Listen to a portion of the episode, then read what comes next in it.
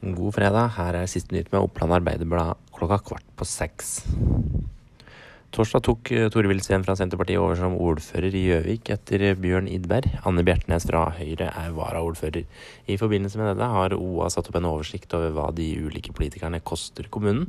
Blant annet får Sveen snaut 990 000 kroner i lønn som ordfører, og Bjertnæs snaut 840 000 som varaordfører.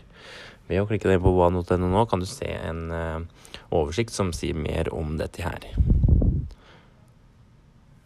September ble en god måned for Opplandstrafikk, ifølge egne tall fra bedriften.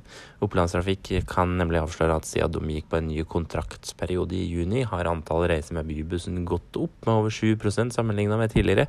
Over 15 000 flere har reist med bussen sammenlignet med samme periode i 2018.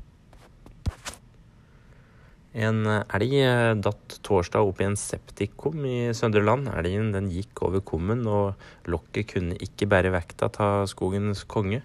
Den to meter dype kummen var trang, og elgen ble sittende fast nedi der.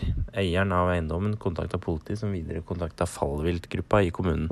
En stropp og en traktor ble eh, løsningen for elgen, som deretter kunne spankulere sliten og utmatta ut i skogen igjen. Klikk deg inn på oa.no utover fredagen for å alltid være oppdatert på det siste. Ha en fortsatt fin fredag.